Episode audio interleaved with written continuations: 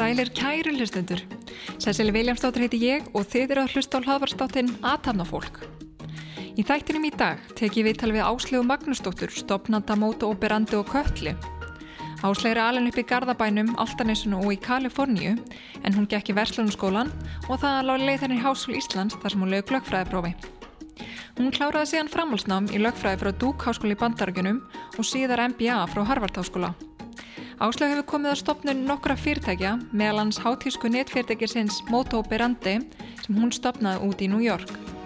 En núna hefur hún stopnað nýtt fyrirtæki sem heitir Katla sem er sjálfbært tískufyrirtæki með ekki minna markmið en að breyta framlegslu og dreifingaferli tískufyrirtækja. Í dag fáum við að heyra meira um áslögu og hennar merkila feril. Sæl áslög og velkomin í þáttinn. Sæl og takk fyrir að hafa mig.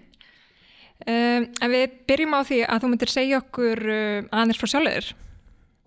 Já, ég fættist á Íslandi og, og ólst upp hér að mestu leiti, bjórendar í bandaríkunum í Kaliforníu frá 5 til 11 ára aldurs og það kannski hafði svolítil áhrif á, á svo plön mín setna um, og ég ólst upp á Altanesi og í Garðabæ og, og hérna fór svo í Vestló og í, í lagfræði í háskólinum og svona byrjaði minn feril sem, sem lagfræðingur á Íslandi var fyrsti lagfræðingur til Lloyd á Íslandi.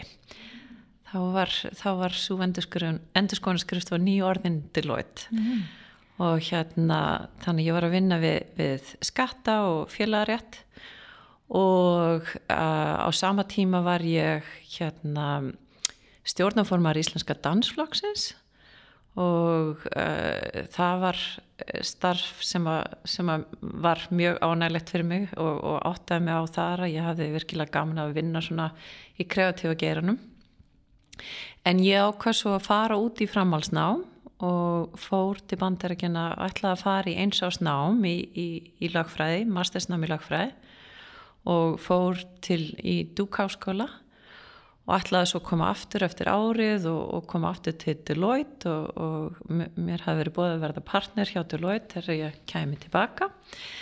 En þegar ég var komin um, þegar ég var komin til bandarkjana og komin í námið þá ákvæði ég að ég var ekki alveg tilbúin að fara strax aftur heim. Mér langaði að prófa að starfa svolítið erlendis og uh, ég hugsaði með mér að það er þið kannski aðeins erfara sem lagfræðingur að, að vinna alltjóðlega að því að lagfræðin er auðvitað bundin við, við uh, það land sem er læri lagfræði og þannig ég ákvaða að fara í MBA nám líka.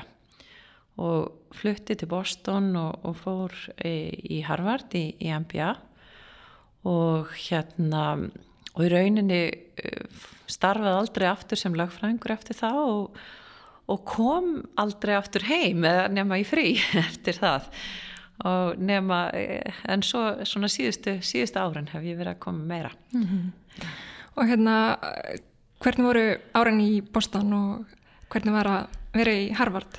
Það var bara frábærlega skemmtileg reynsla það hérna Boston var falli borg og, og hérna það sem var mjög skemmtilegt fannst er við business-skólan er að þetta er svona þetta var svona svolítið mikil fjölskyldamanns það byggu eiginlega allir á kampus þarna, þó að þetta sé aðeins eldra fólk, þetta var sko fólk sem er komið í, í meistaranám. Það voru samt flestir sem að byggu bara þarna á, á skólasvæðinu og, og maður var bara með þessu fólki í rauninni 24-7 afsaki ég sletti stundum. En hérna og, og þetta var skemmtilegt nám. Þetta var svolítið ólíkt lögfræði náminu.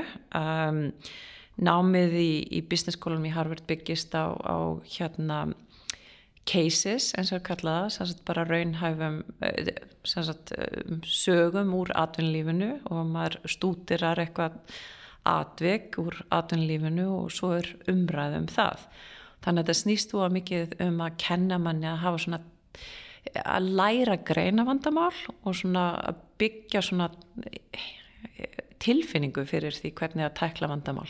Fyrir ekkar heldur en að læra fullt af einhverju staðröndum þetta var í raun að kenna einhverja svona tækni. Þú tekur þetta skrif uh, hefur verið viðskiptun úr lögfræðinni. Hvert verðu næst? Já, svo þegar ég var í náman í Harvard þá kynntist ég reyndar tveimur stelpun sem hefðu unni í tískuheiminum önnur þeirra hjá Gucci og hinn hjá Prada.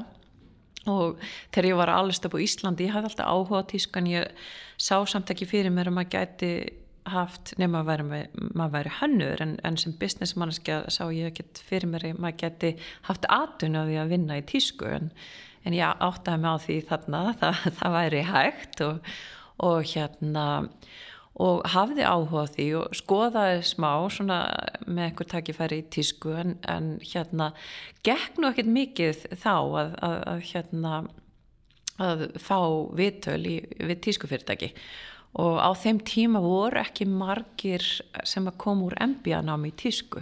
Fólk svona í rauninni ólsöldi upp í bransanum fór bent eftir sko barslesnám og, og, og beintin í tísku fyrirtæki og, og svo bara svona unnu, unnu sig upp innan þeirra fyrirtækja.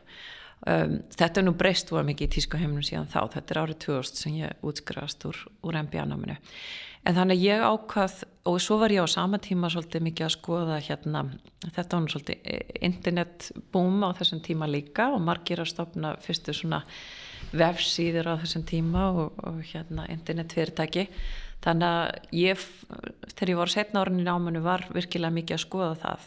Og fór bara í eitt atunuvittal setna árið sem ég var bóðið í og það var hjá McKinsey. Og hérna ég, þegar ég fór í vittali þá ætlaði mér ekkert að taka þessu starfi þannig ég var ekkert stressu og, og var ekkert að þannig að undirbúa mig og, og hérna en, en það gekk vel og, og svo hérna og mér var bóðið starfið og hérna og svo hérna þegar leið á, á veturinn ákvæði að ég vildi ég ákvæði að hérna, ég væri ekki tilbúin að starta fyrirtæki þá og ákvæði að þykja starfi hjá McKinsey. Og það var í London mm. þannig ég flutti til London eftir námið. Hérna, að sagt, vinna hjá McKinsey er náttúrulega mjög góð skóli. Svona, hvað er svona eitt sem þú hefur tekið úr þessu starfi sem þú hefur geta nýttir svo í þunum setjum störfum? Vá, það er erfitt að velja eitt. Það með að vera fleiri aðri en, en hérna nei, McKinsey var alveg svona business skóli nummið tvö. Eitt sem ég fannst eh, virkilega gott við McKinsey var hvernig þeir um, þeir, þeir lögðu rosalega mikla áherslu á að þjálfa fólk og kenna fólki og hérna það var, það var alltaf verið að gefa manni feedback í starfinu. Og hérna og þeir gerði það þeir reynda að gera það samt á svona eins objektívan hátt og hlutlausan hátt og hægt var. Þannig að þeirra kerfi við að meta starfsfólk var, þú veist, það var allt svona mjög tilgreint, hvernig ætti að meta fólk og hvaða kategóriur og svo var búið að hérna skilgreina fyrirfram hvað væri frábær niðurst og, og svona meðal niðurst og ekki eins góð. Og, og, og það, þannig að það fannst mér eitt af því magnaðasta sem það gerðu. Og hérna það var þannig að það var alltaf verið að gefa manni feedback það var alltaf verið að segja manni hvernig maður ætti að bæta sig en það var gert á svona hátt sem að þannig að það leið þó það væri sagt eitthvað við mann sem væri ekkert mjög jákvægt um hvernig maður gerði eitthvað og því það gæti aldrei allt verið jákvægt það var það samt gert á það svona, þannig hátt að, að, að maður tók það ekkert næri sér og bara lærða því þannig að ég hef svona reynd að nýta það en, en eh, það er svo margt sem að lærði hjá McKinsey þannig að margt, margt sem hefur nýst, já. Mm, Þú varst ekki alveg tilbúin strax að stofna fyrirtæki. Uh, hvað varst þú lengi hjá McKinsey? Sko ég var þrjú og halvt ár hjá McKinsey og svo hérna reyndar tók ég mér tíma í nokkra mánuði þar sem ég var að skoða að stopna fyrirtæki þannig að annarskipti sem ég skoða að stopna fyrirtæki. Og það var innan matvælebransans það átti, átti að vera svona hotlur skyndi bitamatur og hérna sem ég ætlaði að gera í London. En svona ákvaða þetta um ekki að halda áfram með það og hérna en ég var samt búin að komast að þeirri nýðustu eftir þrjú og halvt ár hjá mig kynsi. Ég var endalust að ferðast nánast í hverja einustu viku. Fóra mándagsmotni og tilbaka á fymtaskvöldi eða förstaskvöldi og, og stundum fór maður bara mánum saman í burtu. Og þannig að ég var eiginlega svona svolítið búin að fá nóg af, af ferðalögunum og ákvaða ég vildi breytingu. Og það tókað alltaf í mig þessi löngun að vinna í kreatífa heiminum og, og áhugin á tísku. Og svo hérna bendi pappi mér á að Baugur væri að fara að opna skrifstöfu í London og ég ákvaða sambandi þá og hérna og varð sem sagt, ég held að veri þriðji starfsmæður Baugs í, í London. Þannig að þá fór ég fyrst skipt að vinna í tískuheiminum þannig að svona fór ekki alveg kannski leðina sem ég hafði upphala að ætla mér en í tískuheimin en þetta var frábær leið að því gegnum fjárfestingar þá var, vorum við náttúrulega að skoða alls konar mismöndi fyrirtæki af mismöndi starðum þannig að maður lærði óa mikið um tískuheimin uh, rætt í gegnum það frekar aldrei að vera að vinna fyrir bara eitt fyrirtæki. Og ég var sagt, já, ég var að vinna með bauði í, í svona fyrst í starri fjárfestingum og svo en ég hafði fljótt áhuga ég fann að ég hafði meiri áhuga á, á minni fyrirtækjum og mér var skama þegar ég gæti verið að vinna með hönnuðanum og, og hérna eða stopnendunum og, og verið svona virkilega að gefa svona, já, bara í samfunum við þá og reyna að gefa þeim góð ráð. Og þannig að ég fór smám saman að vinna meir í smarri fjárfestingu hjá Bögi og við fjárfestum til dæmis í Hendriku Vóge og, og fjárfestum í Matthew Williamson sem er breskur hannur sem var mjög vinsætt þá. Og mér fannst þetta alveg æðislegt þetta var uh, rosalega skemmtilega reynslega fyrir mig. En svo ég sagt, var gift bandarsku manni og árið 2006 þá vildi hann fara aftur heim. Hann hérna saknaði New York mikið og, og hérna þannig að í lok 2006 flutti ég til, til New York og hérna var það búin að vera hjá bau í, tvö ár. Og hérna og hérna var það erfið ákvörðun að, að fara? Já, já ég, það var það, það, ég, mér fannst leiðilegt að fara. Mér fannst þetta mjög skemmtilegt starf en, en auðvitað vildi ég þú veist, búa á sama stað og eiginmaður minn. Þannig að því leiti var það ekki erfið, erfið ákverðin en, en, en mér fannst það samt, mér fannst leðilegt að, að fara, fara þaðan og ég var, þú veist, á þeim tíma fannst mér alveg indislegt að bú í London. Það tók svolítið langan tíma fyrir mig að, að virkilega að kunna vel við mig í London en, en undir lokin þá var ég mjög hafmyggisum þar sko, þannig að já, mér fannst erfitt að fara. En, en svo kom ég til New York, ég vissi ekkert hvað ég ætla að gera en, en ég vissi að það, eða mér langa annarkvært að gera eitthvað í fjárfæstingum eða í tískun helst að, að samin eða tvent og það er ekkert óbærslega mörg starf sem að samin að bæði tísku fjárfæstingar þannig að en hérna ég var mjög heppin í fyrstu vikunni sem ég var í New York þá hitti ég Marvin Traub og hafði reyndar verið kynnt fyrir honum um, einhverjum vikum áður um, af, af manni sem var, var með mér í MBA-náminu og, og þekkti Marvin og vissi hann var að leita einhverjum sem var með reynslu í fjárfestingum í tísku og Marvin sagt, var hann var nú 83 ára þegar ég hérna hitt hann fyrst. Og hann eh, hafði verið forstur í Bloomingdale's í 22 ár. Og var mjög þekktur innan tísku og, og hérna, heimsins í, í bandaríkjunum. Og hann hafði til dæmis uppgötta Ralph Lauren var, var þekktu fyrir það og, og Tommy Hilfiger og, og aðra stóra svona gefið þeim þeirra fyrsta sjans í Bloomingdale's og hafði líka verið mikið í því að koma með evrósk merki inn til bandaríkjunni í fyrstskipti og var svona þú veist mjög mikill í rauninu þá hann hefur reyka stort fyrirtæki, fyrirtæki þá var hann mikill svona frumkvöð því að hann var að koma mikla nýjungar inn í tískuheimin í bandarganum og hérna svo þegar hann hætti hjá Bloomingdale's þá stopnaði hann rákjafyrirtæki og ég fór sérst að vinna með hann í rákjafyrirtækinu og, og hann hafði áhuga að stopna fjárfestinga deilt og þannig ég hjálpa hann að gera það. Og ég og hann og, og, og hans aðal businesspartner þriði var Mortimer Singer og Singer eh, saumavila nafni það, er, það var sannsagt langafans Mortimer sem að, eða, eh, já, langafans sem að uppgötaði saumavilina og hérna þannig að kom úr tísku, tísku fjölskyldu. Og hérna við þrjú stopnum saman fjárfestingafélag TSM Capital sem, sem voru svona trápsengur Magnúsdóttir. Og við byrjum að fjárfesta í, í svona smerri hátísku merkjum og fjárfestum fyrst í Matthew Williamson. Ég var mikill Matthew Williamson að dándi þannig að kom, kom inn í það félag í annarskipti og fjárfæstum svo í hannu sem heitir Rachel Roy sem var uh, og er þekkt, þekkt svona í banderska tísku heiminum. Og, en svo gerist tröni 2008 og þá varð Marvin, hann er þá orðin 85 ára ákvað það að það væri svolítið mikið stress að vera fjárfesta í, í ungum tísku fyrirtækjum.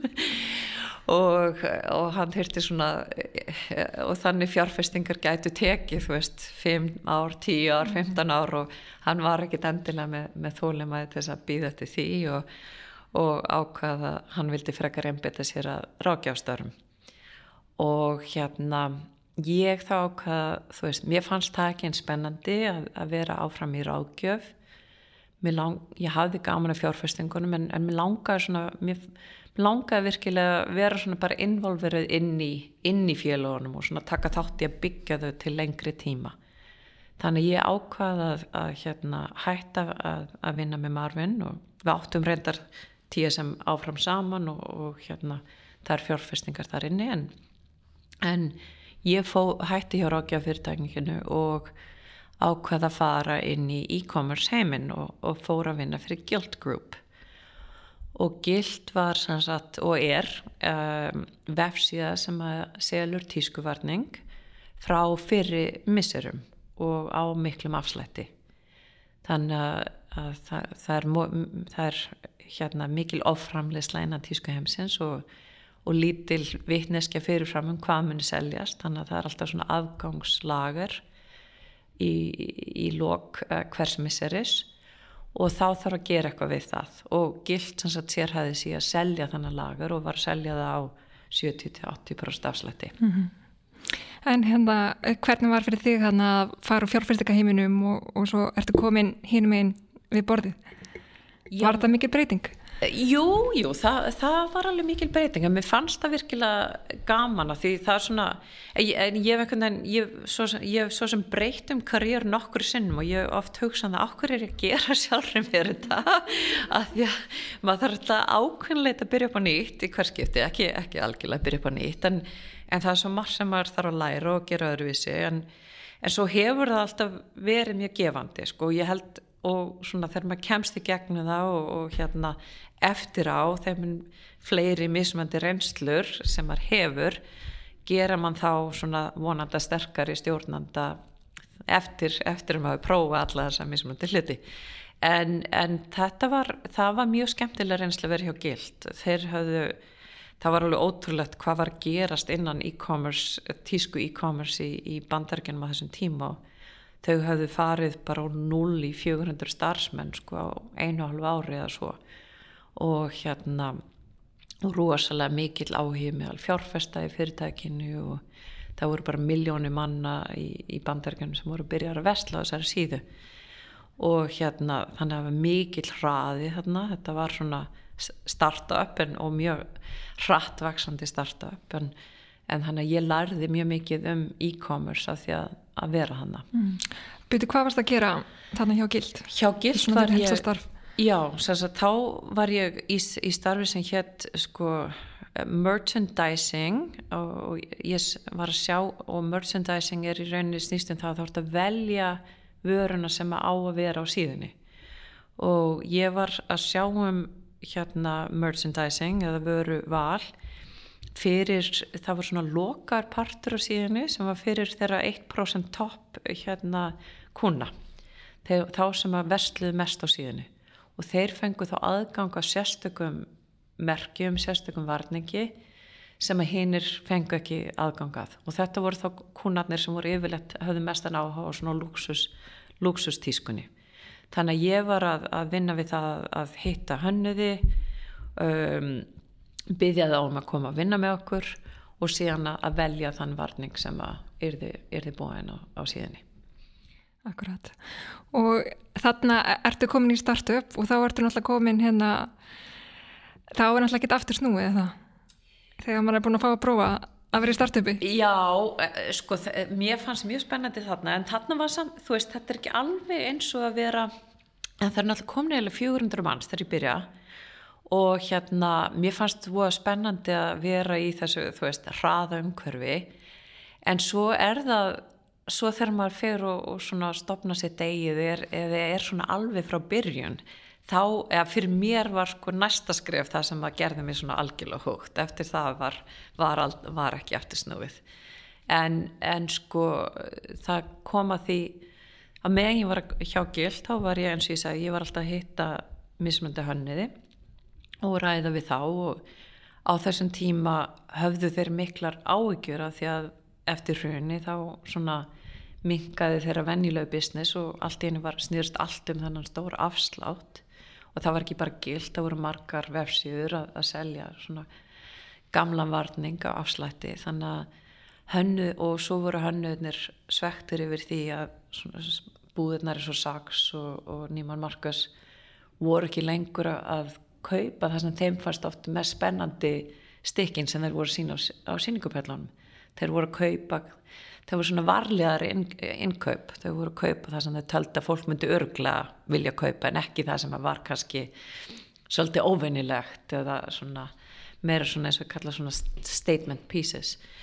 Og hérna hann að ég gerði mér grein fyrir því að, að þú veist það voru hannur þannig sem virkilega vildu geta selgt meira af því sem þeir voru sín og síningupöllunum og svo svona uppliði ég svolítið sem viðskiptavinnur og, og, og margar vinkonu mína sem hefði áhuga á tísku að þær vildu geta keift þessi, þessa hluti sem voru mjög spennandi fannst okkur en voru svo bara hérna í bóði í búðunum. Og hérna þannig að ég fekk hugmyndina því sem að, að varð svo að móta upp á randi sem var að, að bjóða upp á allt það sem að hönnuðinu síndu á síningapöllunum eða vinna með hönnum til þess að bjóða upp á allt það úrval en gera það strax eftir síninguna áður en þeir ákvaðu hvað er þið framleitt. Og þá gætt fólk svona fyrirfram panta og svo fengu þeir þá upplýsingar um já ok, ég get búið til hann svona svolítið brjálaðari kjól að því að, að ég veit að það eru tíu þannig sem allar kaupan eða eru búin að kaupan og hérna þannig að ég fekk þessu hugmynd og, og svona velt henni svolítið fyrir mér og reynda rættana við yfirmenn gilt til þess að byrja með og þeim fannst þetta alveg sniðu hugmynd en myndi ekki passa fyrir viðskiptafinni gilt sem var að leta afslætti. Og hérna og ég ákvað svo að, að tala við uh, konu hérna Loren Santa Domingo sem var uh, vann hjá Vók og hérna og ég hafði kynst í gegnum Marvin og Mortimer á sín tíma og við höfum svona unnið að smerri verkefnum saman. Og hérna sagði henni frá þessari hugmynd og, og hún var mjög hrifin að henni og við ákvaðum að gera þetta saman, ég tók hann sem business partner. Og svona þetta byrja, við, ég sagði henni frá þessari hugmynd, kannski, ég held að það verið september 2009 en ég var í rauninni ekkert að ætlaði mér ekkert á þeim tíma að stopna fyrirtæki. Var ekkert eh, svona þú veist, mér fannst alveg ágætt að vera í svolítið öryggari starfi með mín laun og, og svo framvegs og hérna en svo svona næstu mánuðina fór ég bara að upplefa sterkara og sterkara að þetta væri þú veist, þetta stundu fær maður hugmynd og þegar maður hugsaður um hana meira þá er hún ekki eins góð. En þessi hugmynd, þá fannst mér alltaf betri og betri. Og og mér leið bara eins og ég verð að gera þetta. Ef ég ger þetta ekki þá er eitthvað annar fara að gera þetta og þá verð ég mjög svegt og, og hérna og ég verð bara að gera þetta. Og hérna þannig ég ringdi svo í februar um, 2010 þegar það var New York Fashion Week þá ringdi ég eitt kvöldi í Loren og sagði bara Loren við verðum að gera þetta. Þetta er bara the next big thing. Og hérna hún sagði ok, let's do it. Mm -hmm. og hérna og þá byrjaði ég að skrifa businessplan og ég var ennþá þannig hjá Gild en, en hérna síndi það einhverjum svona aðlum í fjárfestingheiminum einhverjum sem hefur verið með mér í náminu til dæmis og, og það, mér þótti mjög ánægilegt að þau strax áttuðu sig á því að þetta væri spennandi tækifæri og, og svona þegar ég hef verið með Marvin að reyna vorum að reyna að taka einn fjármagn fyrir, bara, fyrir tísku merki þá hafði það alltaf verið svolítið erfitt erfitt að samfara fjárfæstum að koma í það en þarna voru við með fyrirtæki sem var sko tæknifyrirtæki líka e-commerce fyrirtæki að gera eitthvað svona sem að sem að tæknin uh, gerði kleift að gefa konum um allan heim aðganga þessari tísku strax eftir síninguna sem hefði verið mjög erfitt að gera án, án hérna e-commerce síðu. Og hérna þá var, þá var það allt í henni mjög spennandi fyrir fjárfesta. Og þeir hafðu líka séð að það, hvað það gekk vel hjá Gild og öðrum síðum, Rúlala og Van Privé og og svo framveg sem voru, voru að gera svipað hluti í tísku. Og hérna og þetta var annar mótel en, en þeir voru bara allt í nú rosa spenntir að koma í tísku fjárfestingar og, og þannig að við nutum góðs að því og, en svo hérna ég var ennþá í starfinu hjá Gild en svo var það hérna um vorið 2010 að, að ég voru að fundi með hérna fjárfestingasjóði frá Boston og þeir urðu reyndar fyrstu fjárfestinir okkar og einn þeirra saði við mig það mun engin fjárfesti taka er alvarlega meðan þú ert ennþá í starfi. Og hérna þú, þú þarfst bara, þú veist þú þarfst að vera all in og þannig að ég fór næsta dag og, og sagði upp hjá gild og hérna Vartu ekkert yfirvart? Svona þú tókst veist, Já, í raunin ekki. Mm. mér fannst ég bara verða að gera þetta. Og, og ég reyndar hérna þorði ekki segja mannun mínu fyrir fram. Að því ég viss hann myndi segja nei, ekki gera það. Þannig að ég hérna ákvaða að bara gera þetta og koma svo heim og segja hann eftir á. Og hann sagði bara þú er brjálið hvað er þetta að gera? Og hérna hann fannst þetta algjör algjör vittlisa hérna en svo jafnaði hann sér nú á því og, og hann, hann kom inn með smávægilegt fjármag svona þegar við tókum fyrst inn svona frá, frá nokkrum svona eng, engla fjárfestum svona fyrstu peningana og, og þannig að hann, hann já, hann sætti sig við þetta endanum og, og stutti mig í þessu. Nú eru ekki margir með þessa reynslu að hafa verið begja mig við borðið, það er að hafa verið fjárfestir og síðan frumkvöld, uh, hvernig hefur það nýst þér svona sérstaklega? Það, ég held að það hefur bara verið frábært sko því það er auðvitað mjög mikill partur af starfunum sem frumkvöld er að ná að vera maður alltaf í fjármögnun. Og hérna þannig að svona hafa svolítið skilning á því hvað er það sem fjárfæst er að leita að hvernig vilja þær sjá kynningarnar. Það, þú veist, það var mjög mikilvægt og svo bara þegar kemur að því að semja um kjörin að hafa svona séð þessa hluti áður og, og vita svona aðeins hvað maður ætti að passa sig á það, það, og auðvitað lagfræðin þar koma nótum líka þannig að það, það nýttist bara mjög vel fannst mér, já, já. En já, hérna síðan fer uh, móta operandi bara áfullt getur þú aðeins sagt okkur frá þeirri vægferð? Já, já, sagt, það er þá í mæ 2010 sem að ég sagði upp hjá Gild og, og ég var með eins mánar uppsagnarfrest en, en var svona að byrja að vinna í þessu samhliða en, en júni 2010 þá, þá tóku við sagt, frá nokkrum svona vinum af vandamennum, pínlíti fjármagn en vorum á sama tíma að tala við þessa fjárfestingarsjóði og tókst að klára fjármögnun með fjárfyrstingarsjóði í ágúst sem var mjög, mjög fljótt í rauninni en samhliða vorum við að byrja að, að byggja þetta og, og hérna þurftum að leita að, að einhverju með teknikunóttu, hvoru okkar var með það.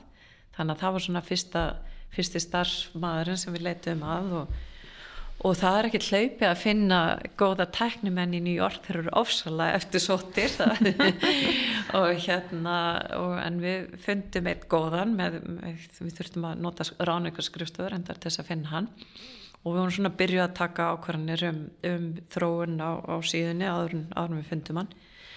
En voru svona að vinna í rauninni samhliða að öllum, öllum þáttum. Þannig að það var fjármagnin og það var að búa til síðuna og það var miklu floknar að búa til vefsíðu þá heldur en núna.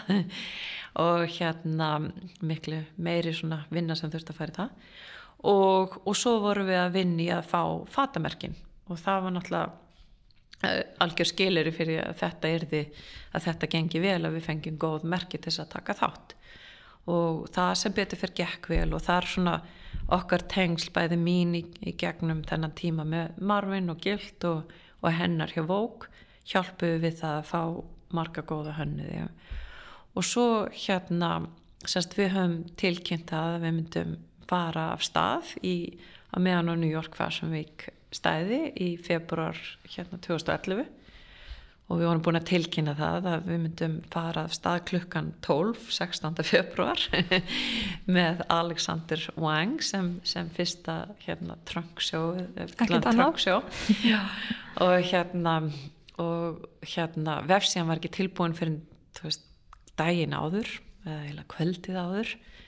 Og hérna að því að við vorum sko að sína nýjustu nýjustu tískuna þá, vor, þá var þetta þannig sko Alexander Wang hafi verið með síninguna sína á ég held á laugadegi og við þurftum að fara inn í stúdíu bara veist, nótt, um nóttina eftir á þess að taka myndinar og hérna og svo vinna mjög rætt í þeim þess að svona, veist, að endur vinna þær og, og setja upp alla svona lýsingarnar og fötunum og sem framvegs og koma því upp á síðuna og þannig að við, ég og, og hérna og okkar svona uh, yfir, uh, tækni yfir maður unnum alla nóttina við að setja þetta upp og, og við vorum hérna, við áttum að fara stað klokkan 12 við vorum ekki, ekki tilbúin fyrir klokkan 1 en, þannig að við vorum svona einu klukktíma á sen en, en fórum, fórum að stað þá.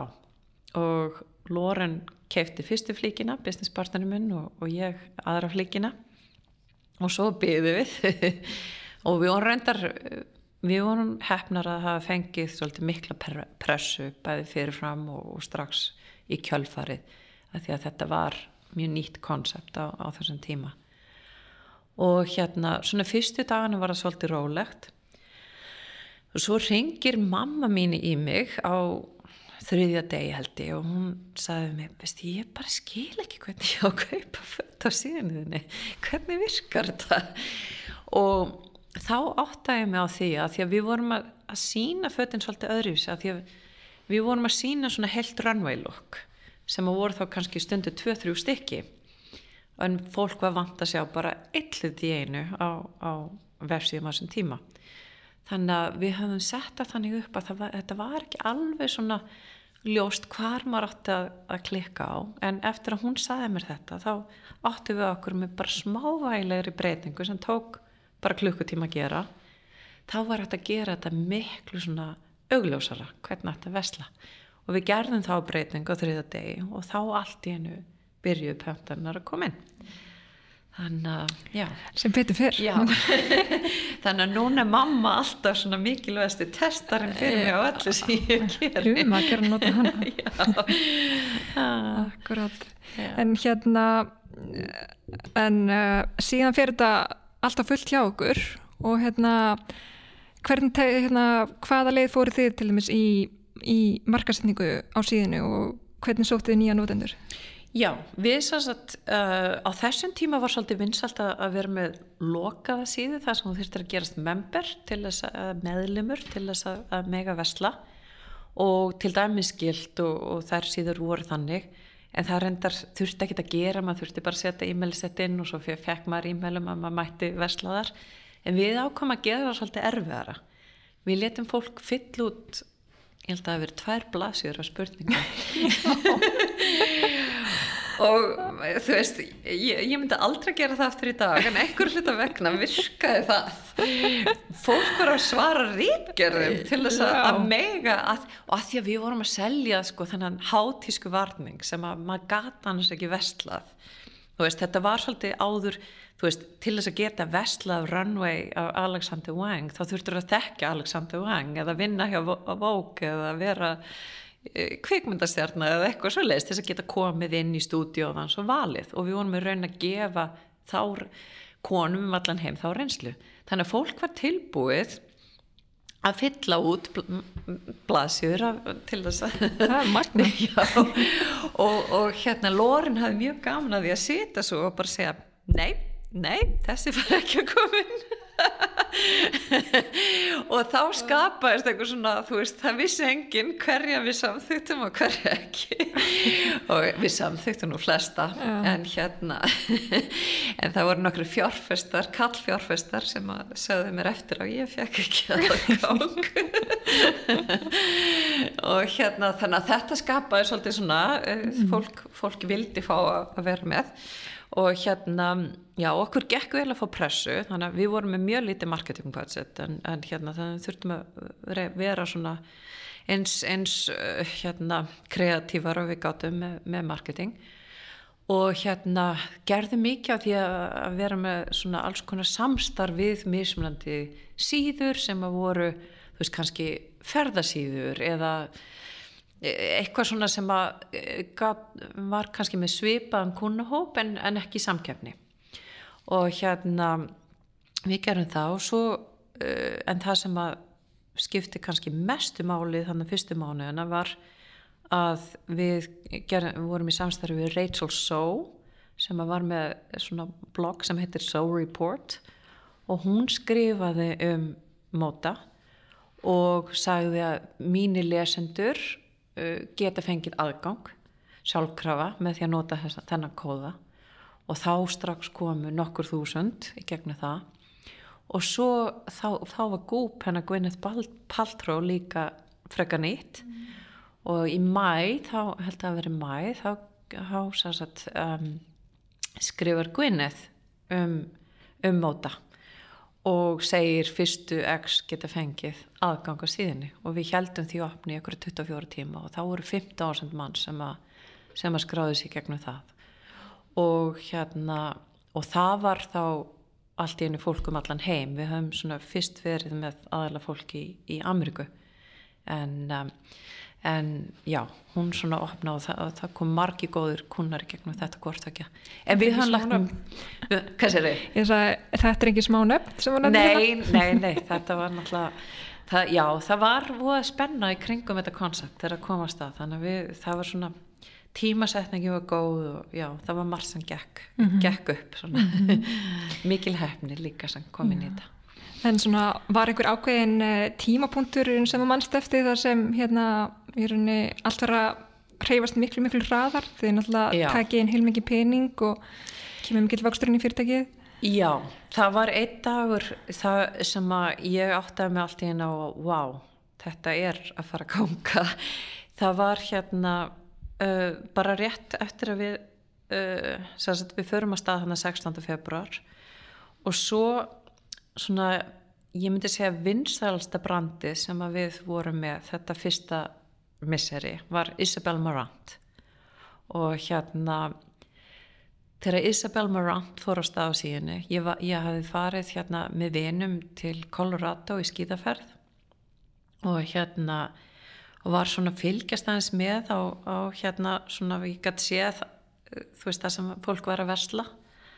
Og það varði allt í einhverja brjála. Hún var með svona kúrekastífil segja svona stífil með eitthvað svona kóri sem að allir eru þetta vittlisur í og þetta eina leðin til þess að kaupa þessa skó var á síðin okkar.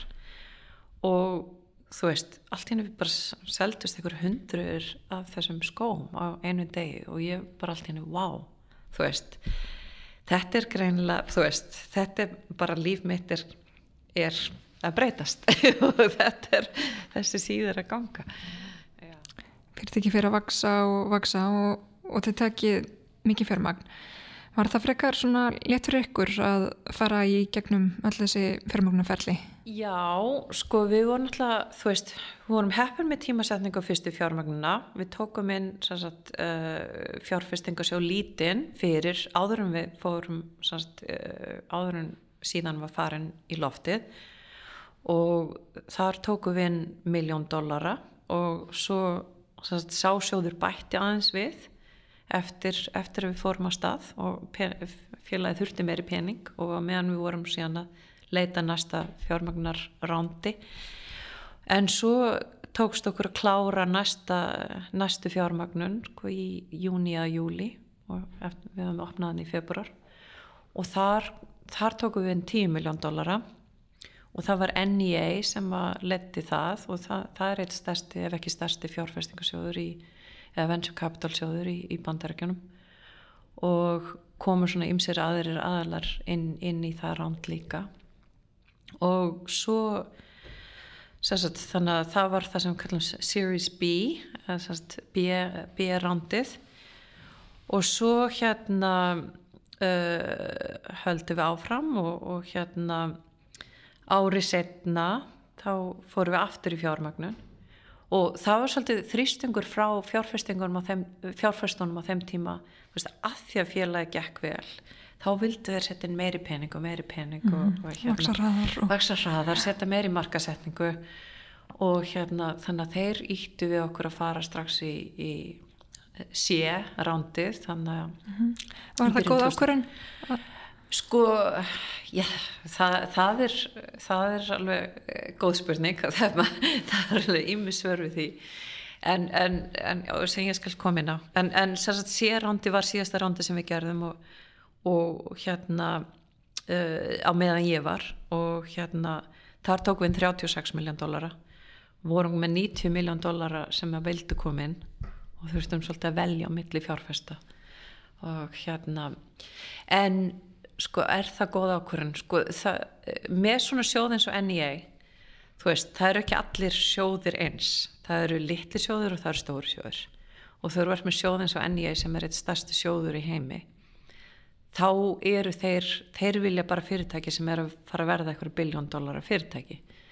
Þannig að þeir vilja sjá rosalega hraðanvöxt og þeir vilja að fara opaslega miklu peningar inn þeir vilja fylgja fjárfestingunum eftir með frekari fjárfestingum. Af því að þeir eru með svo mikið fjármaks en þeir þurfa að gera eitthvað við. Og hérna þannig að þeir ít okkur sko í, í að við okkar svona okkar megin business model er þetta að leifa fólki að kaupa beintasýningu pöllunum fyrirfram, panta fyrirfram. En þeir ít okkur í að bæta hraðar heldur en við hefðum annars gert venjulegri e-commerce búð líka. Þannig að við vissum alltaf að það var tækifæri að við, við vorum með mjög góðar upplýsingar við vissum hvað fólk var að panta af síningapöllunum þannig að við vissum við erum örgulega með betri upplýsingar heldur flestir til þess að geta keift varning fyrir síðuna ef við ætlum að vera með svona in-season búð eða að selja bara sem að er, er, er þið sendt strax og sem við værum með í lagar en þannig að við um, að því að, að það var svo mikil þrýstingur að vaksa hratt þá opnum við þá búið í, í lok 2012 og ég held að ef við höfum ekki tekið einn að svona mikil peningu frá þessum aðalum þá hefðu við örgulega beðið með þá ákvörðan og þetta setja auðvitað rosa mikið auka álag á, á reksturinn. Þetta er, svolítið, þetta er allt annar business að vera með business að þú ert að selja betra síningapællunum og business að þú ert að kaupa lagur og auðvitað er mikil áhætt í að kaupa lagur þannig að það er svona business modeli annað.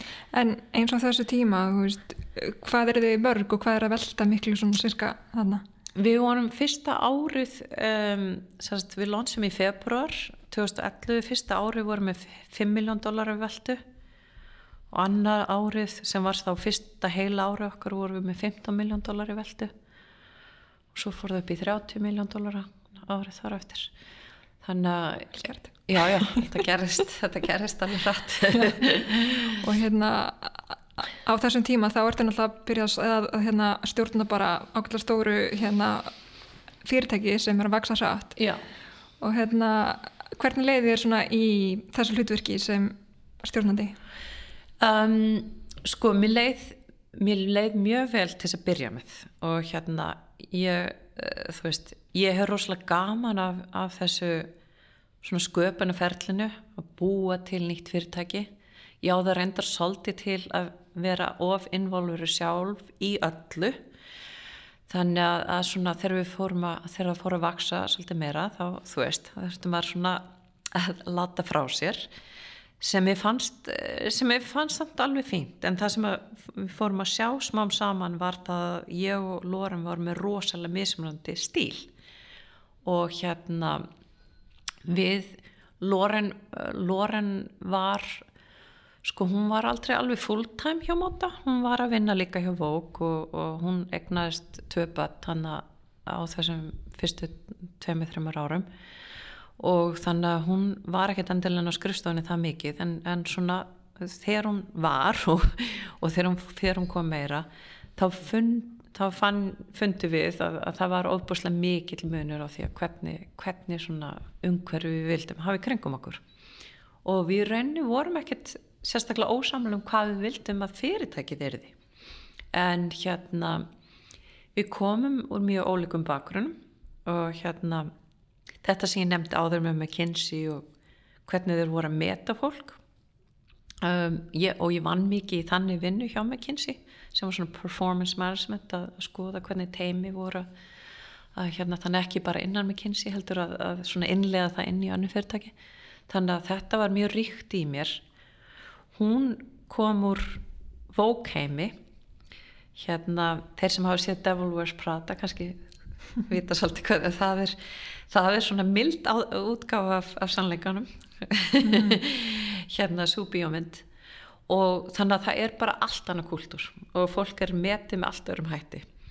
Og hérna svona það varð smá samanljóst að það gat ekki gengið að, að hafa okkur báðar hann og, og starfsfólki var að fara svolítið að, að skiptast í, í tvö lið, svona hennalið og mittlið og þetta var rosalega erfið hérna, erfiður lærdómur fyrir mig því ég hafði alltaf, ég hafði alltaf talið að ég þetta verður svona aðal styrklegi minn var að, að vinna með fólki og, og hérna hafa góðan starfsanda í kringum mig. Ég svona já, ég hafði svona eh, eins og hjá mig kynsi til dæmis þá var það alltaf eitt styrkleikin minn. En, en ég sá allt í hennu var ég komin í stöðu hjá móta þar sem var komin einhver kúltúr sem var svona algjörlega ára kontról í í mínum, í mínum huga. Og mér það rosalega skrítið að það, það skulle hafa komið fyrir mig að því ég held að þú veist, ímislegt myndi klikka en ekki það.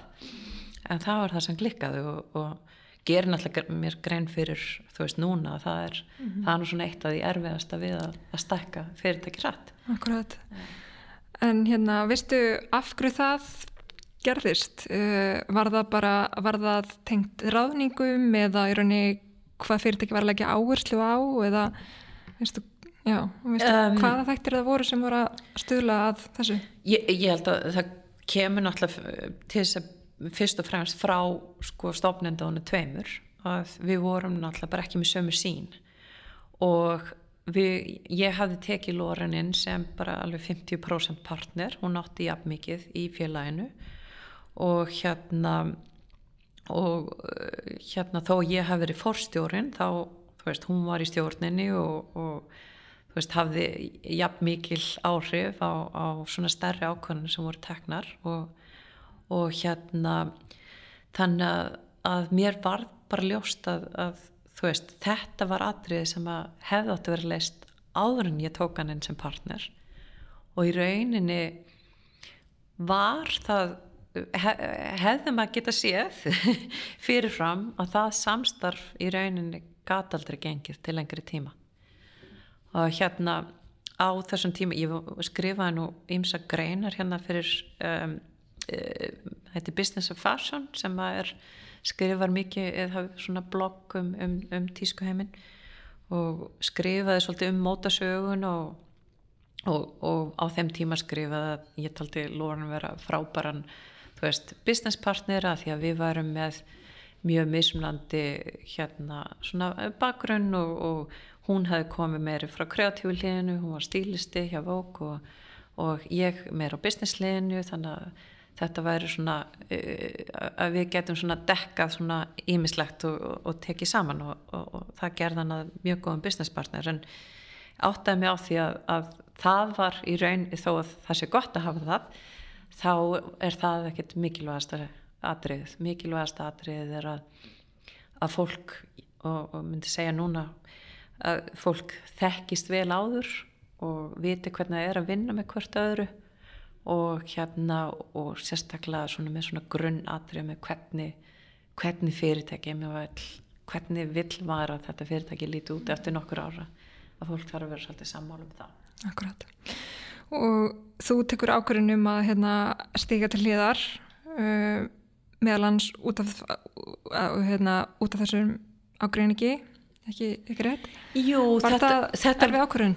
Já, þetta, þetta varð reyndar svolítið, sko, þetta var svona, tók marga mánuði í raunin að, að finna út úr því hvernig það myndi enda og, og hérna um, stjórnin var svona reyna að senda okkur til svona málamiðlara sem að myndi sjónabandsrákja sjónabandsrákja og það gekk lítið og hérna á endanum þá var í rauninni talið að það veri mikilvægur að, að hérna hún var svona meira andlit félagsins út af við af því hún var socialite í New York og mjög þekkt.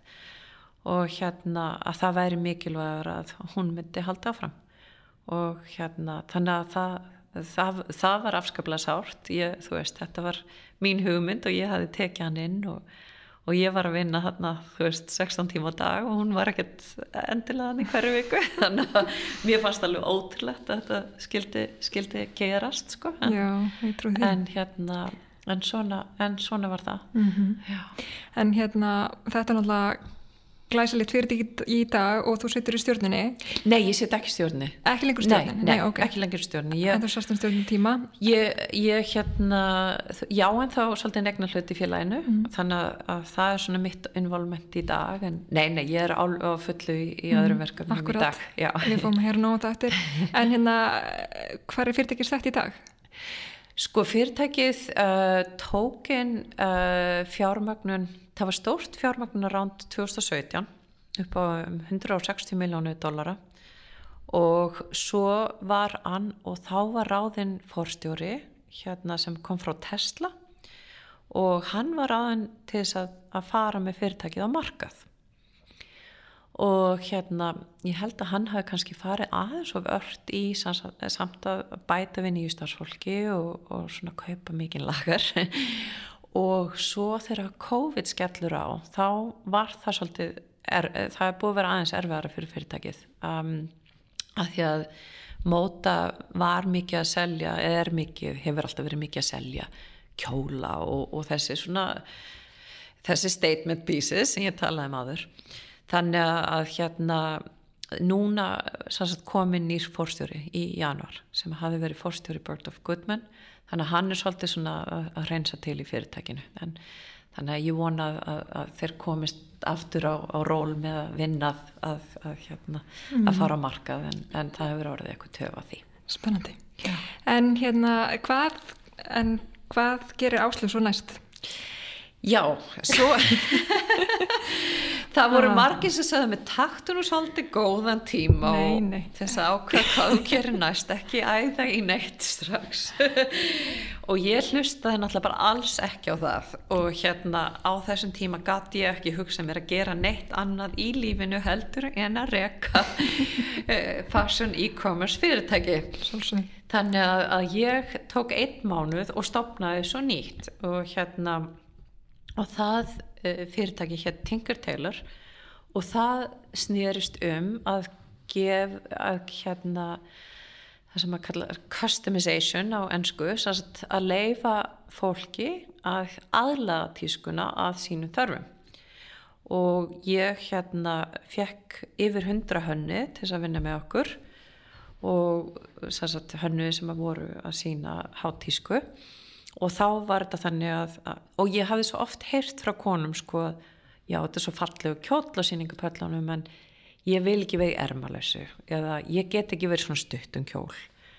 Um, og, og svona ímislegt að það voru ekki allir sem vildi vera í, í, í fötum sem hafa komið á síningupöllunum en þannig að mér fannst eins og það væri mikil þörfa að bjóða upp á svona að það væri að breyta þess aðeins þannig að það virkaði fyrir, fyrir fleiri konur og hérna hönnöðnir voru spenntir fyrir því og, og þeir sögðu sérst já ok, fyrir þessa flík má gera þessa breytingar og stundu var þetta að gera aðra liti eða efni eða, um, en á sama tíma stofnum við aðra deild sem var uh, svona okkar eigibrand, Tinker Tailor það sem að við byggum til svona fyrsta sinni tegund 3D rendering uh, tækni fyrir tísku það sem fólk hatt sett saman og bú, hannað sína einn kjóla en út frá uh, stykkjum sem við gáðum þannig að þau götu valið á millri mismunandi erma og millri mismunandi svona eh, topp parsa á kjól og svo mismunandi pilsa og svo,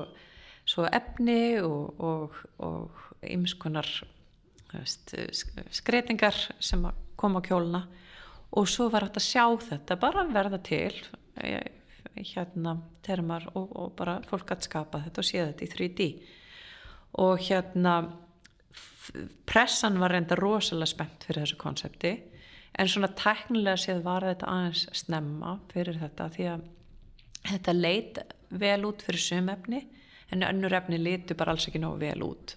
Og þetta er svona 2014 sem við förum að staða með það.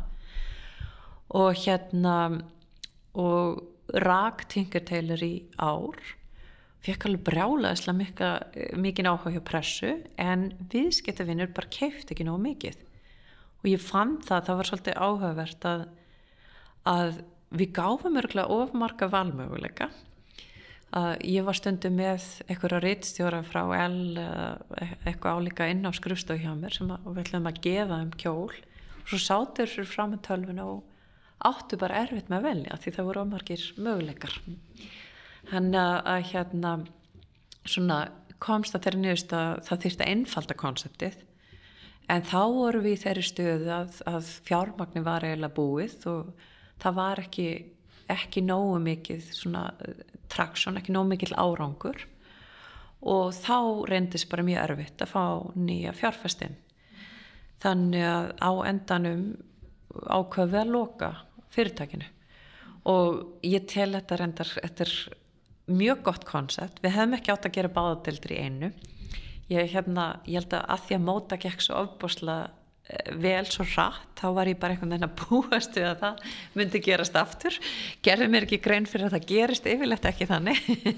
Það tekur lengri tíma. Þannig að hérna þú veist, ef við hefum gert annarkort um, þetta að breyta hannu uh, hérna svona tísku hannuðana eða okkar eigin línu, þá kannski hefði það virkað betur. En, en hérna ég held að þetta sé ennþá mjög gott konsept. Já, ég er algjörlega saman því en þetta snýst víst alltaf um eh, tímasetninguna. Tímasetningu, algjörlega. En hérna hvernig var þetta fyrir áslu hérna, lagfræðingur, Harvard MBA hérna hefur notið hérna mikillar velgengni sem frumkvöld með mótu og barandi og þarna kom verkefni sem svona þú þurftir að hætta við hvernig ég, leiðir hérna? Já, tíma? mér leiðir náttúrulega hræðilega og þetta var hérna, þetta var svolítið erfiður tími þannig að 2015 því ég skil á samtíma við manni minn sko sem að hérna við höfum kynst hann í MBA-náminu og hérna og var bara þarna uh, í New York að reyna að díla við að svona púk, þú veist, að taka þetta fyrirtæki í sundur og, og díla við það eins vel og ég gatt og, og hérna þannig að já, þetta var, þetta var afskaplega erfiður tími. Um, en ég skil það eftir á að þú veist, þessi reynsla er alveg mikilvæg eins og, eins og mótareynslan og hugsanlega mikilvægari að hafa farið í gegnum eitthvað svona sem gjössanlega mistókst að því maður lærir ofbúslega mikið á því.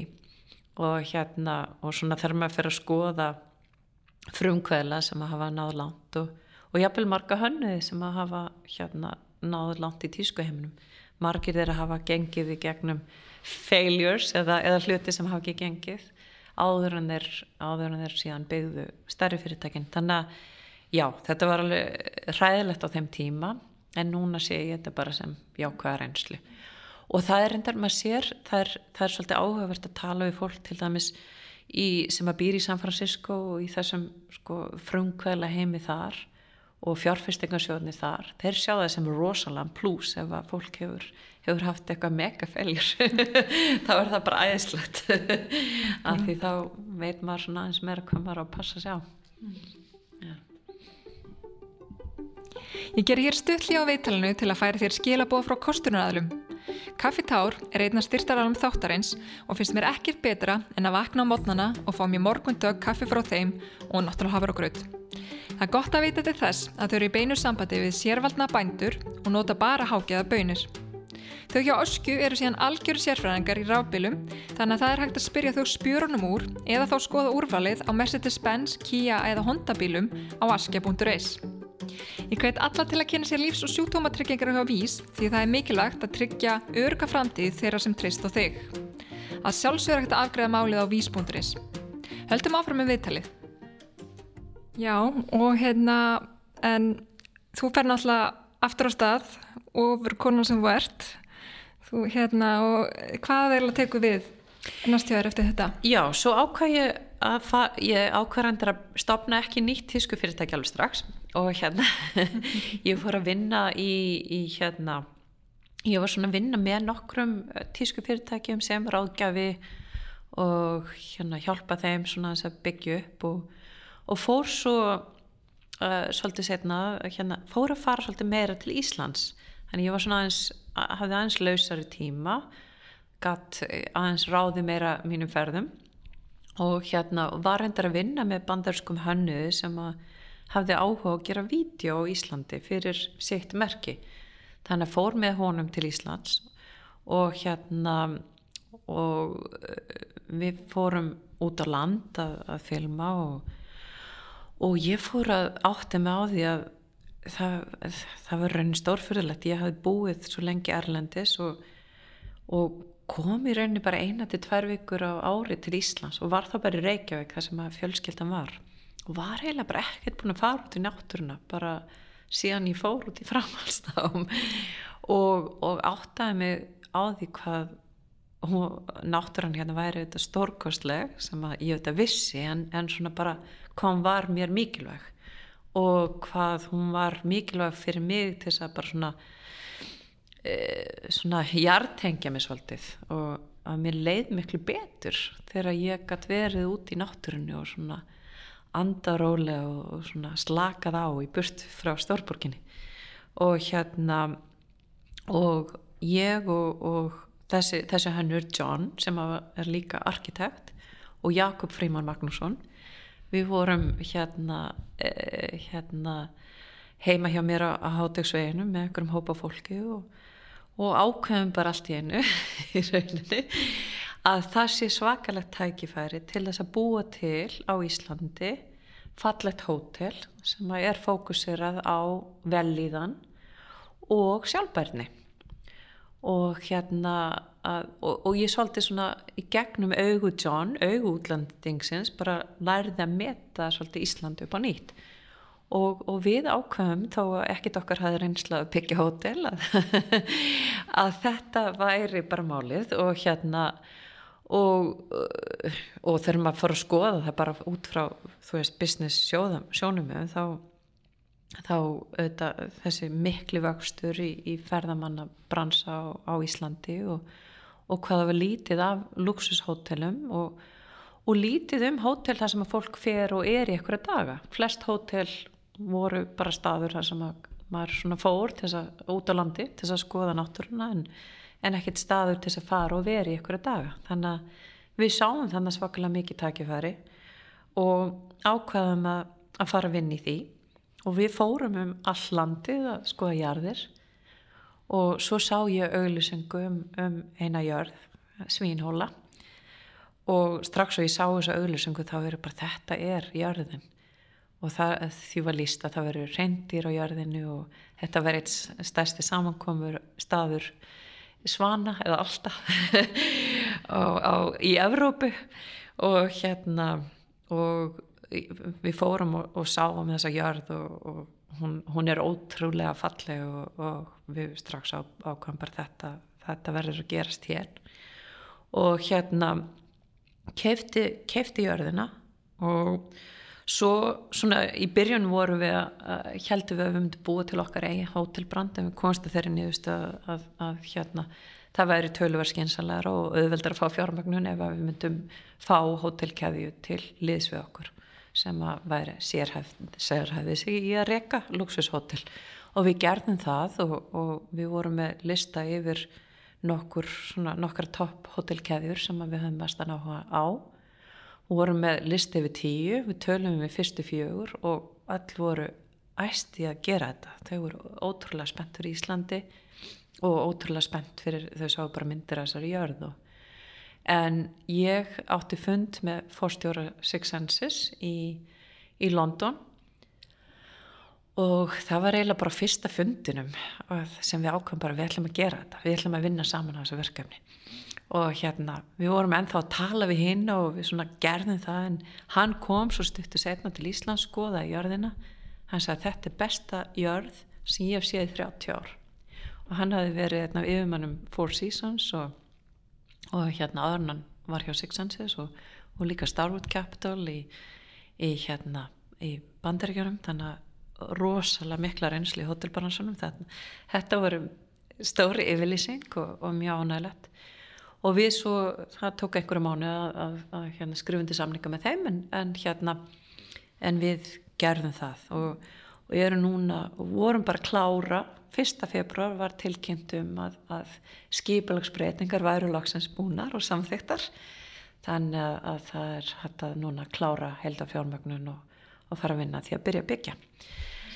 Já, en, en svo í gegnum þessa reynslu að vera að skoða svona sjálfbærnina meira. Þá fór ég aftur svona hugurum fór að leita aftur til, tískunar ég er náttúrulega e, svona tískan er það sem ég kann best og, og hérna og eh, hérna náttúrulega þykir mér vantum að vinna í tísku heiminum. Og hérna og það, ég fór skoða alls konar skýslur um hver áhrif tísku heimsins á, á umhverfið og, og hérna og fólk náttúrulega er orðið miklu varar um það heldur en var eins og þegar ég var að stopna móta. Sko með móta þetta mótil okkar þar að tengja hönnuna bent við, við viðskiptavinn en það var þess aðlis að, að, að við gáttum svolítið betur það var hægt að, skipilegja betur þú veist frambóðu eftirspurn þar. Og en, en það sem var baku það fyrir mig á þeim tíma var ekki eins mikið umhverjusjónum en ég var ekki eins mikið að hugsa um það. Þá var bara, mér fannst það fjárhæslega þá, þá væri það miklu skynsalega að vera ekki að kaupa alls konar umfram lagar en núna þegar maður fór að, að, að skoða tískuheimin aftur síðust árun áttum við á því hvað þessu oframlegsla í bransunum veri ofbúslega mikið vandamál 30-40% oframlegsla almennt af hvert misseri hjá, í tískunni. Þannig að ég ákvað að, að mér langaði að fara aftur inn í tískuheimin en í þetta skipti vildi ég virkilega tækla þessi vandamál og reyna að hafa svona jákvæð áhrif á á tískubransan, viðtakar er jákvæð áhrif. Ákvað að gera það með því að búa til fatalínu, það sem að, sem að heiti Katla, og við erum katla.com og það sem við myndum reyna að tekla þessa hluti eins heilstakt og hægt er. Og við erum alls ekki fullkominn, það er engin fullkominn sem er að búa til fött en, en við erum að reyna að gera eins vel og við getum og, og, og bæta okkur eins mikið og við getum.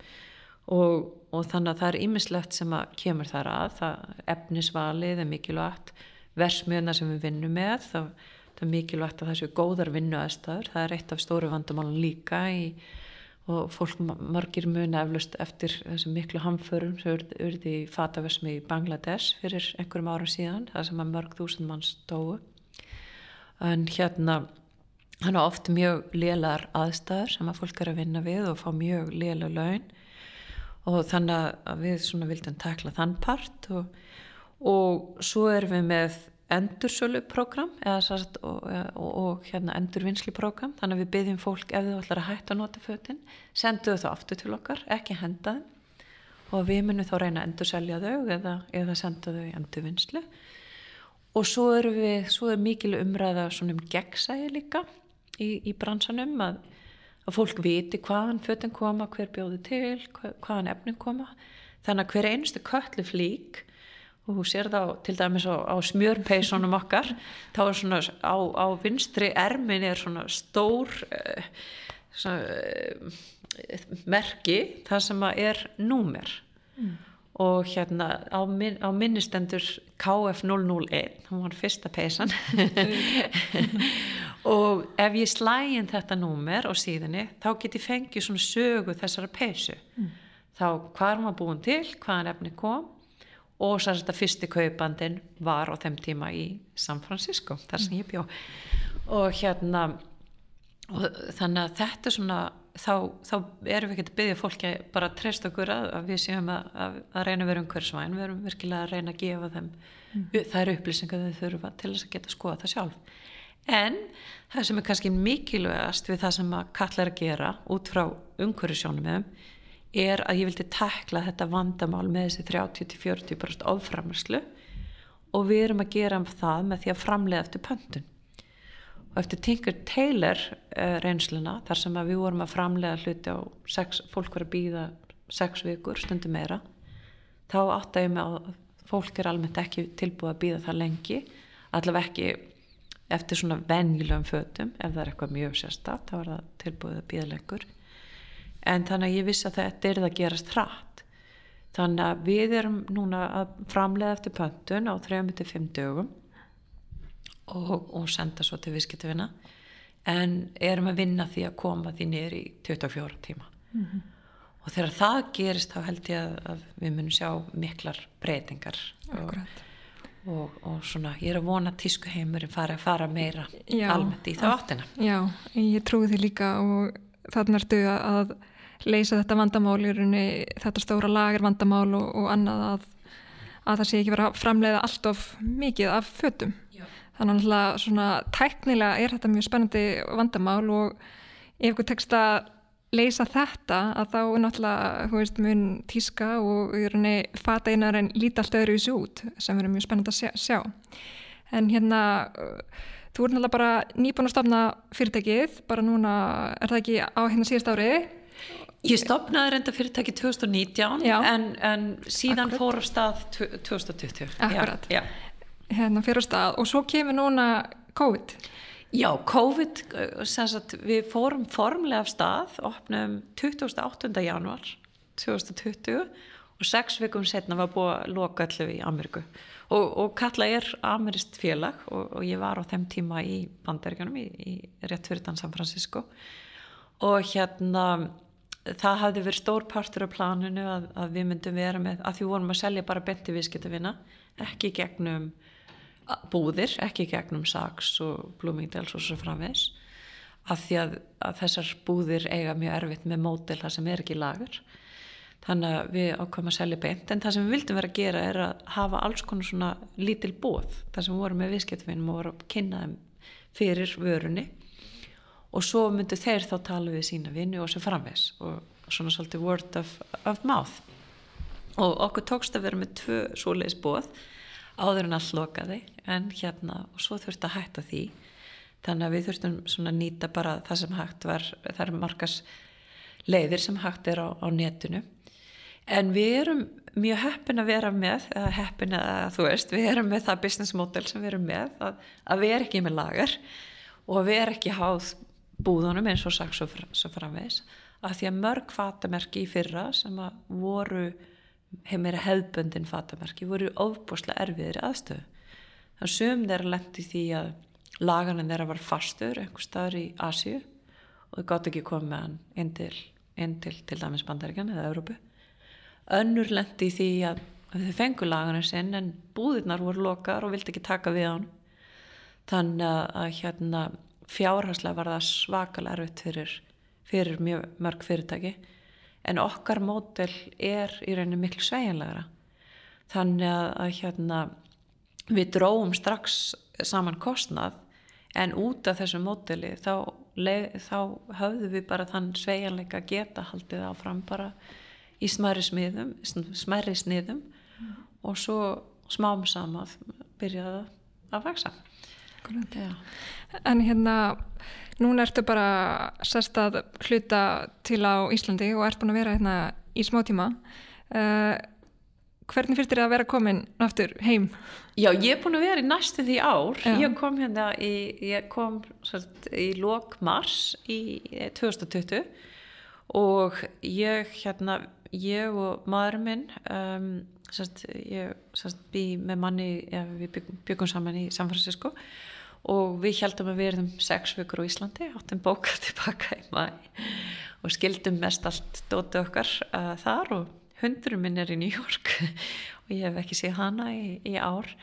En það er búið að vera indislegt að, að vera á Íslandi það er hérna, fjölskyldan mín er, er hérna ég vildi að hundurum minn væri hérna en, en fjölskyldan er hérna.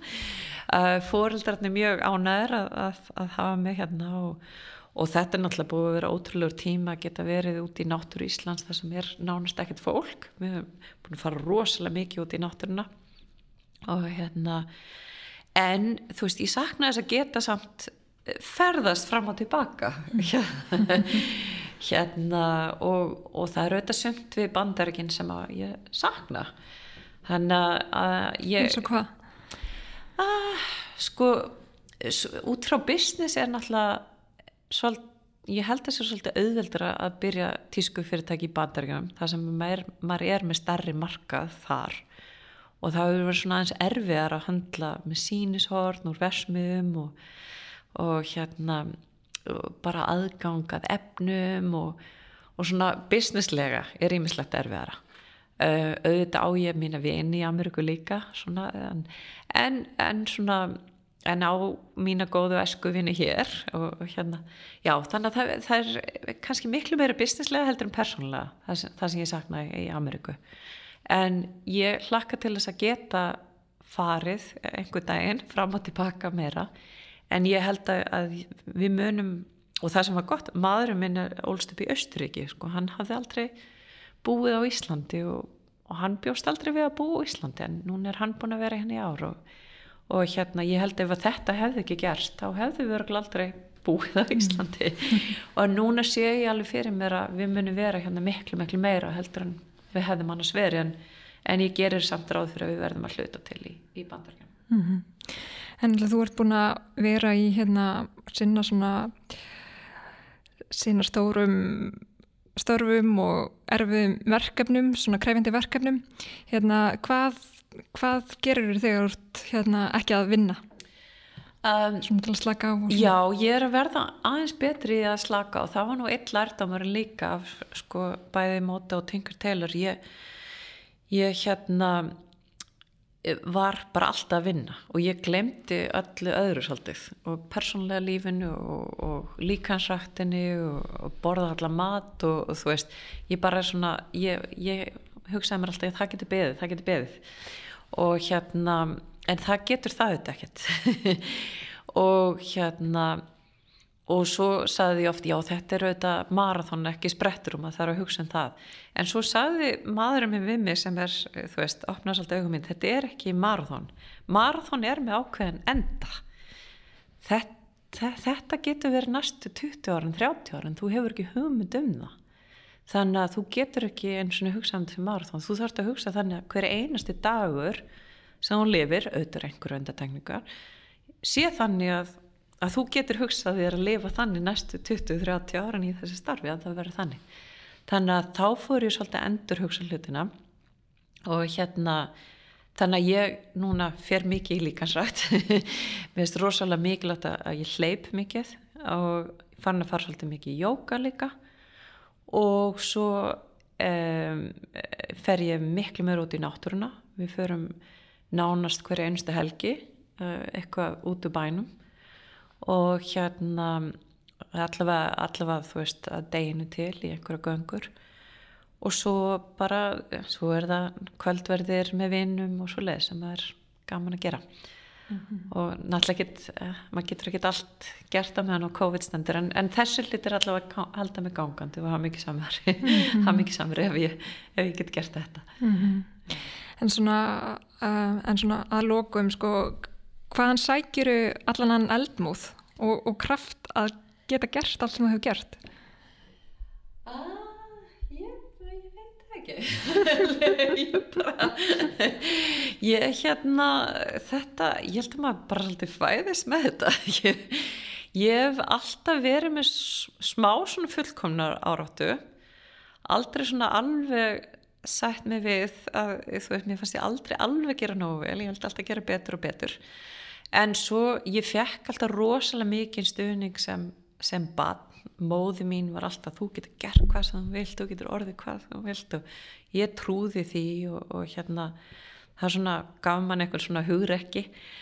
Og hérna ég veit ekki, ég hef bara svo gaman á því að, að klára verkefni. Ég, ég finn það að ég verð óralega ef ég er ekki að gera eitthvað. Þannig að en ef ég næja svona vinnað eitthvað og, og, og þú veist business, það eru margi sem horfa ekkit á business sem sköpun en, en að búa til fyrirtæki er sköpun. Það, þannig að ég, ég fæ rosalega mikið út úr því að skapa fyrirtæki og, og reyna að hafa jákað áhrif á þennan bransa sem að veist, margir taka tíska ekki alvarlega en þeir átt að segja ekki á því hvað þetta er rosalega stór bransi. Þetta er 2,5 trilljón eins og það er sagt í, í bandaríkjum 2,5 trillion dollar market um, í heiminum. Þannig að þetta er eitt stærsti brans í heimi og annar mest vassmengandi og ber ábyrð á 10% af carbon emissions. Þannig að þetta er rosalega mikilvægt að, að tækla þannig bransa og, og, og reyna ídónum í, í rétt átt. Þannig að það er svona já, það er bara e, það að geta lagt eitthvað að mörgum í, í því er það sem að drífa mig áfram núna Frábært. Herðu, þá er þetta bara komið hjá okkur og takk kærlega fyrir komuna. Já, frábært og einlega þakkir. Í næsta þætti spjallega við engan annan en Hilmar Vega Petursson, stopnanda og forstjóra CCP. Ef þú vilt heyra fleiri sögur af aðtarnafólki, þá hveti ég þig til að fylgja okkur á hlaðvarsveitunni þinni og á samfélagsmiðlum. Ekki missa næsta þætti.